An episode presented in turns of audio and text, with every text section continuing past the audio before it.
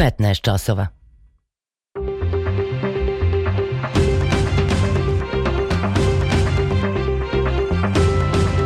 Radio Novi Sad. Novosti.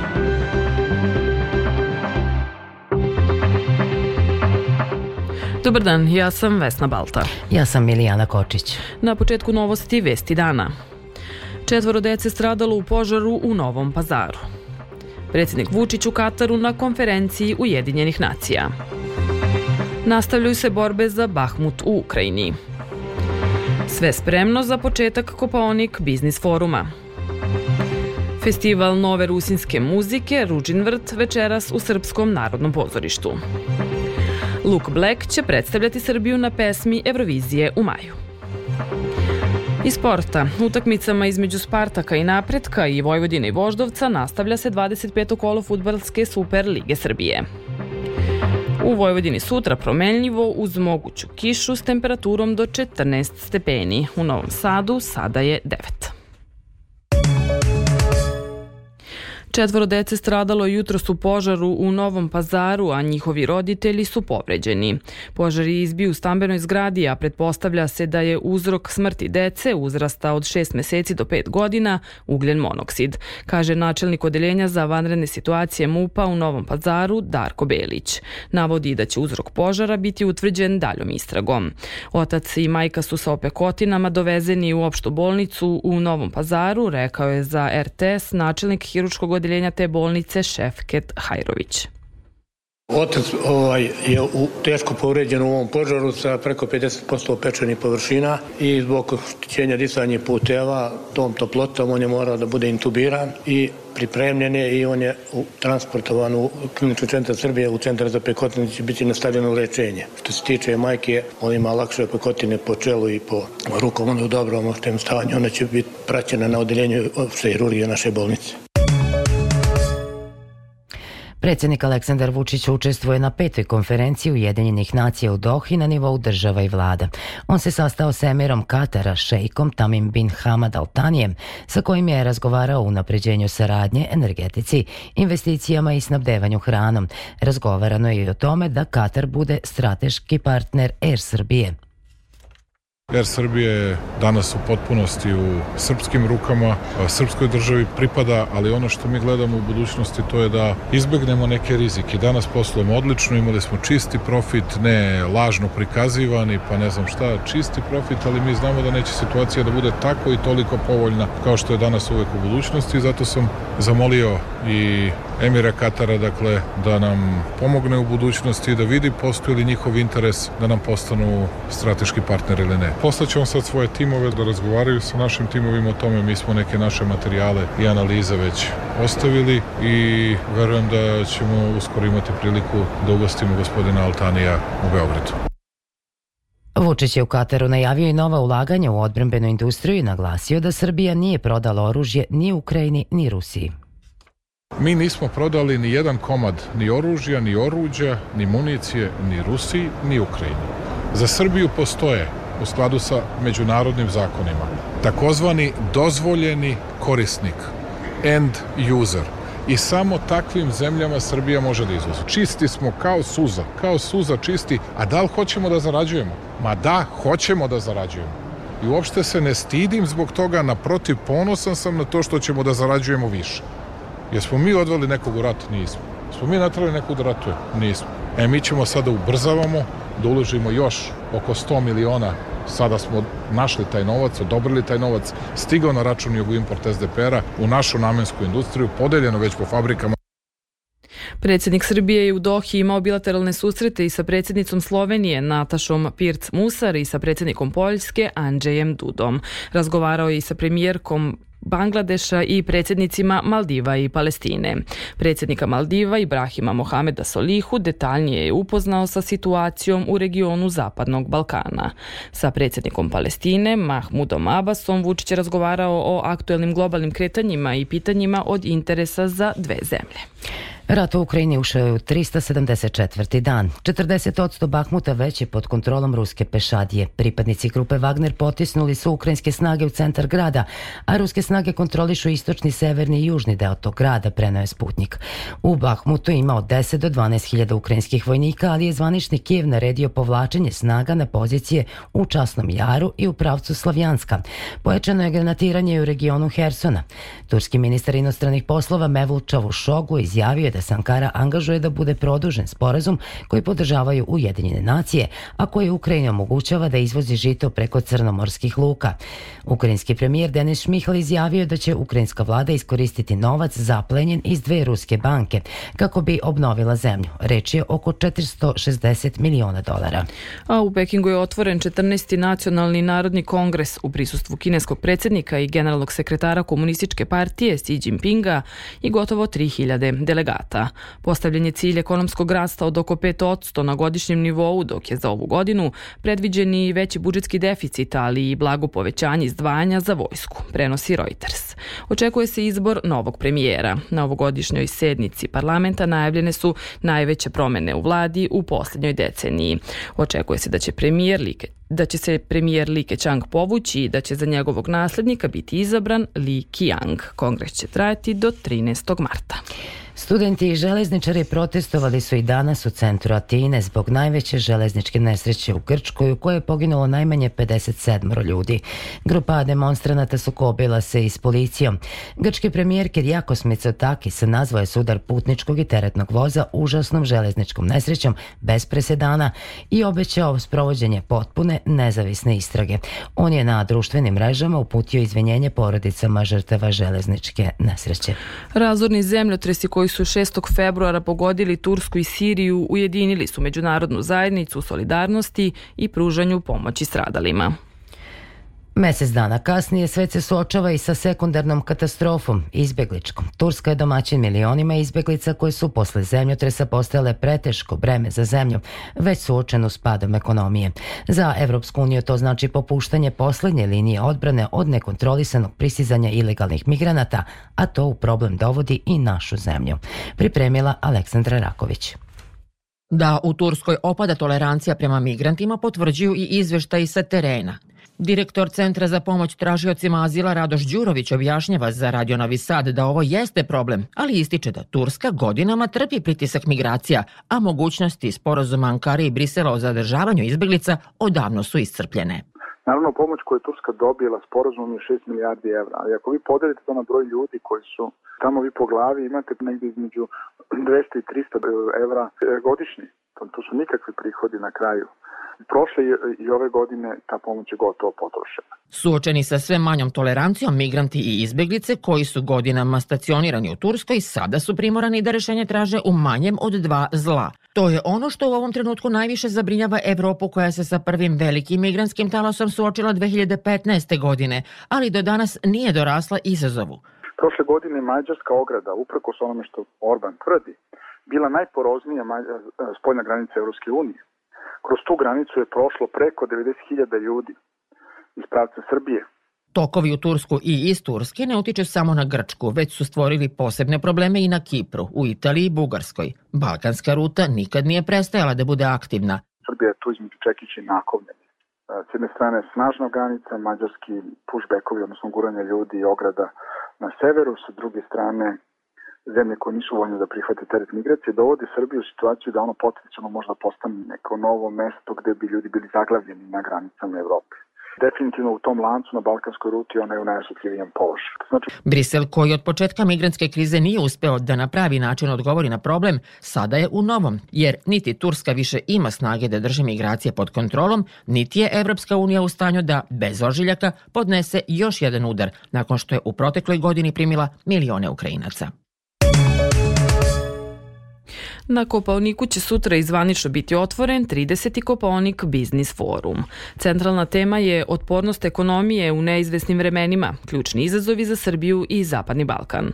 Na to pitanje će do 8. marta kroz 40 panel diskusija i sesija specijalnih događaja pokušati da odgovori oko 200 govornika. Više o tome Đuro Vukilić. Takozvani nulti dan srpskog Davosa otvorit će ovog popodneva omaž ubijenom premijeru Zoranu Đinđiću, s obzirom na to da se navršavaju dve decenije od atentata.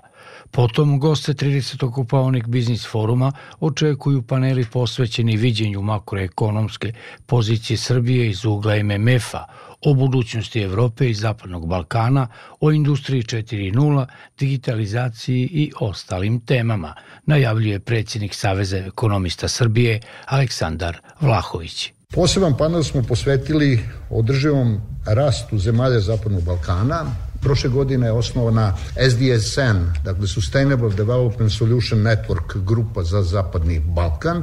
Imaćemo prilike da od strane te novo uspostavljene institucije čujemo kako i na koji način se na Zapadnom Balkanu mogu postići ciljeve održivog rasta. Regionalni karakter srpskom Davosu daće i ove godine panelisti i delegacije privrednika iz Bosne i Hercegovine, Crne Gore, Severne Makedonije, Hrvatske, Mađarske i Bugarske, dodaje Vlahović. Obratit će im se između ostalih i glavni ekonomista Svetske banke Indermit Gil i novi šef misije MMF-a u Srbiji Donald McGettingen kao i svi ministri iz ekonomskog dela vlade Srbije.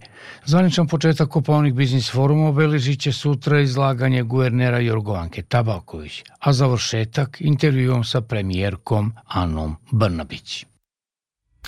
Potrošnja energije u Srbiji u odnosu na bruto domaći proizvod je 3 do 4 puta veća nego u zemljama Evropske unije, a dva puta u odnosu na zemlje regiona, zbog čega će biti izuzetno važno sprovoditi mere unapređenja energetske efikasnosti, smanjiti troškove i unaprediti stanje u energetskom sektoru, saopštilo je Ministarstvo rudarstva i energetike. Povodom Svetskog dana energetske efikasnosti koji se danas obeležava, Ministarstvo je ukazalo na potrebu podizanja svesti građana o značaju unapređenja energetske efikasnosti i racionalno, racionalnog korišćenja energije. Ugalj će ostati osnovni energent u Srbiji do 2050. godine, ali električna energija dobijena iz uglja obezbedit će energetsku sigurnost u narednim decenijama. Ocenjeno je na konferenciji koju je nedavno organizovao portal Energija Balkana. Stručnjaci poručuju i da će upravo ovaj energent u tom periodu osigurati put ka zelenoj tranziciji. Pripremila Branka Dragović-Savić.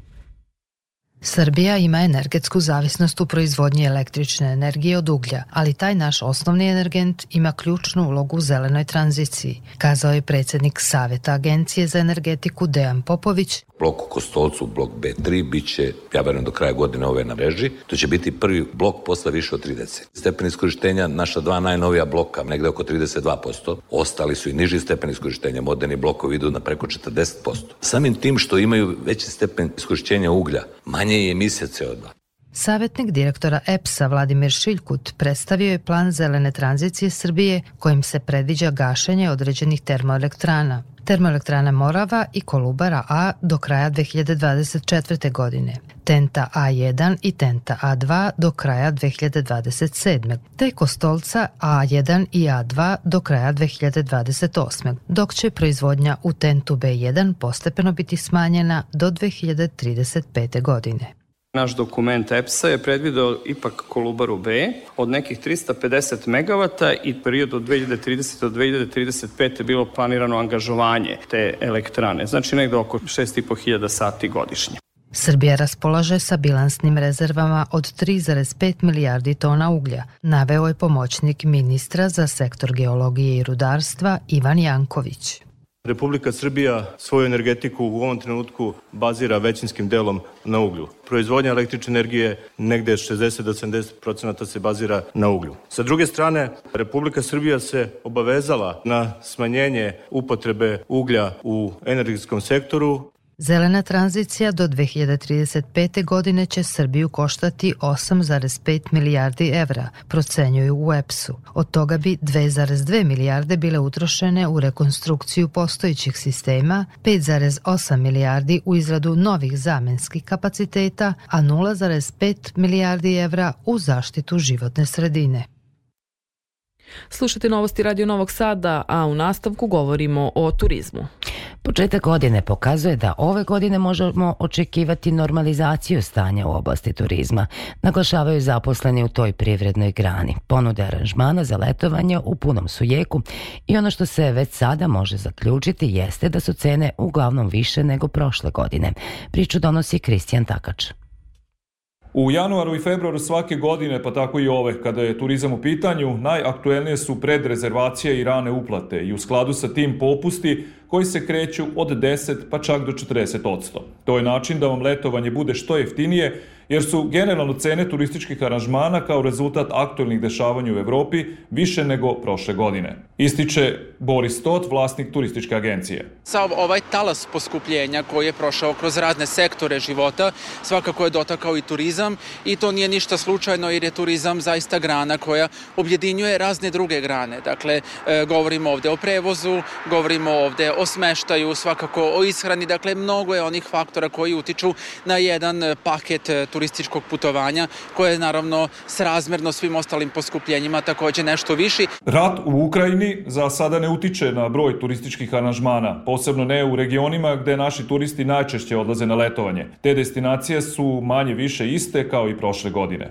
Vidimo da je svakako najaktuelnija Grčka, odnosno e, našoj publici cenovno e, najviše Grčka odgovara, ali pored svega toga naravno tu je i Turska, tu je i Egipat koji je sve traženiji proteklih godina, vratila nam se inače Italija Italija, vratila nam se i Španija i pogotovo iz ovog našeg e, dela države, dakle iz Vojvodine, iz Bačke, izuzetno veliki broj turista putuje u Hrvatsku, najtraženiji su svakako Makarska i region Južne Hrvatske, odnosno Hvara. Naš sagovornik očekuje da će 2023. godina biti u turističkom smislu još jače od prošle, u kojoj su se, pored krize u Ukrajini, u određenoj meri i dalje osetile posledice epidemije koronavirusa. Kultura Tradicionalni festival nove rusinske muzike Ružin vrt 33. po redu biće održan večeras u Srpskom narodnom pozorištu u Novom Sadu. Ovogodišnji festival pripreman je tri i po meseca, a posetiocima predstoji bogat program, poručuju organizatori. Više o tome Milan Rakić. Festival počinje u Srpskom narodnom pozorištu u 20 časova, a bit će izvedeno 15 novih kompozicija izabranih na konkursu koje promovišu kulturu i tradiciju Rusina. Soliste će pratiti 40 muzičara Velikog narodnog i Velikog tamburaškog orkestra radio televizije Vojvodine. Nakon izvedbe kompozicija, publika će birati najbolju interpretaciju, kaže predsednica organizacionog odbora festivala Zlatica Njaradi. Glasaju svi i dobiju na ulazu glasački listić. Sve kompozicije se izvode po šifrom. Ne zna se ko je kompozitor, ne zna se ko je tekstopisac i aranžer, nego pesma kako se zove, ko je mhm. peva i pod kojom šifrom je stigla na konkurs. Znači pesme na konkurs stižu pod šifrom. Ne stižu sa imenom i prezimenom. I tako će publika i da bira. Zlatica Njaradi prisetila se i početaka festivala Ružin vrt. Sve je počelo od rubrike emitovane na radio Novom Sadu u sklopu emisije Susreti 97.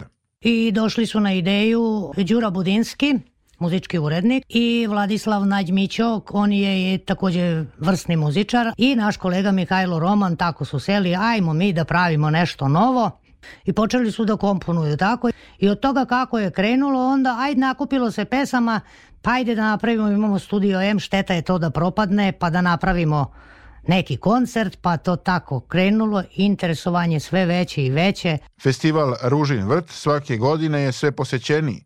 Kao i do sada, žiri će večeras birati prvu, drugu i treću kompoziciju, najbolji aranžman i najboljeg interpretatora. U toku glasanja biće upriličen i revijalni deo, gde će se predstaviti muzičari koji su prethodnih godina učestvovali na festivalu Ružin vrt.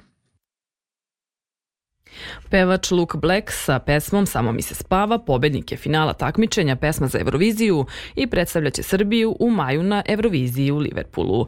Black je bio najbolji pod zbirnim glasovima žirija i gledalaca među 16 takmičara. Kako je rekao za RTS, već počinje da se priprema za nastup u Liverpoolu, a nada se da će se pesma dopasti Evropi i svetu.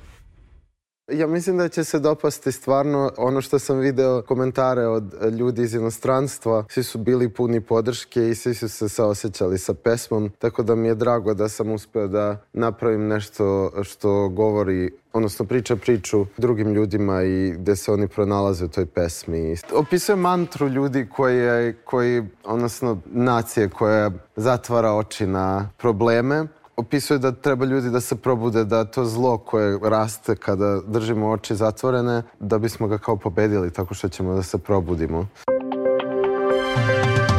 Sport. Futbaleri Subotičkog Spartaka od 16 časova gostuju u Kruševcu na pretku u 25. kolu Super Lige Srbije uz povremeno uključenja našeg reportera u emisiji Sport i razonoda. Od 18 sati Vojvodina gostuje Voždovcu u Beogradu. Još jedna najava iz sporta, košarkaši Crvene zvezde od 15.30 u Zagrebu igraju protiv Cibone u regionalnoj ABA ligi.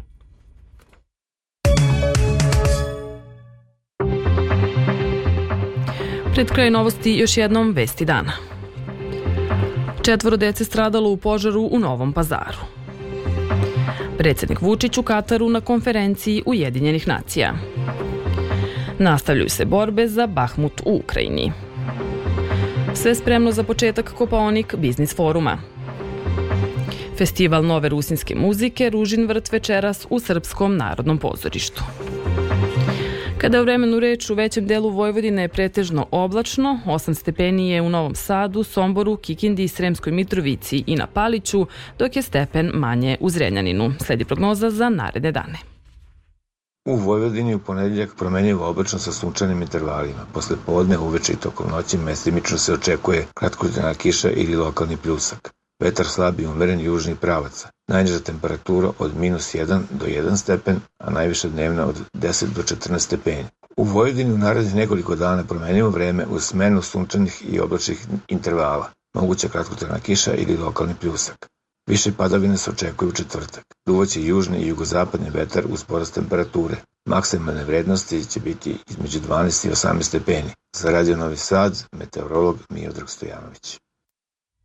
Slušali ste novosti prvog programa Radija Radio Televizije Vojvodine. Emisiju je tonske realizovala Olja Đipanov, a pred mikrofonom su bile Vesna Balta i Milijana Kočić. Ostanite uz naš program, želimo vam prijatno popodne.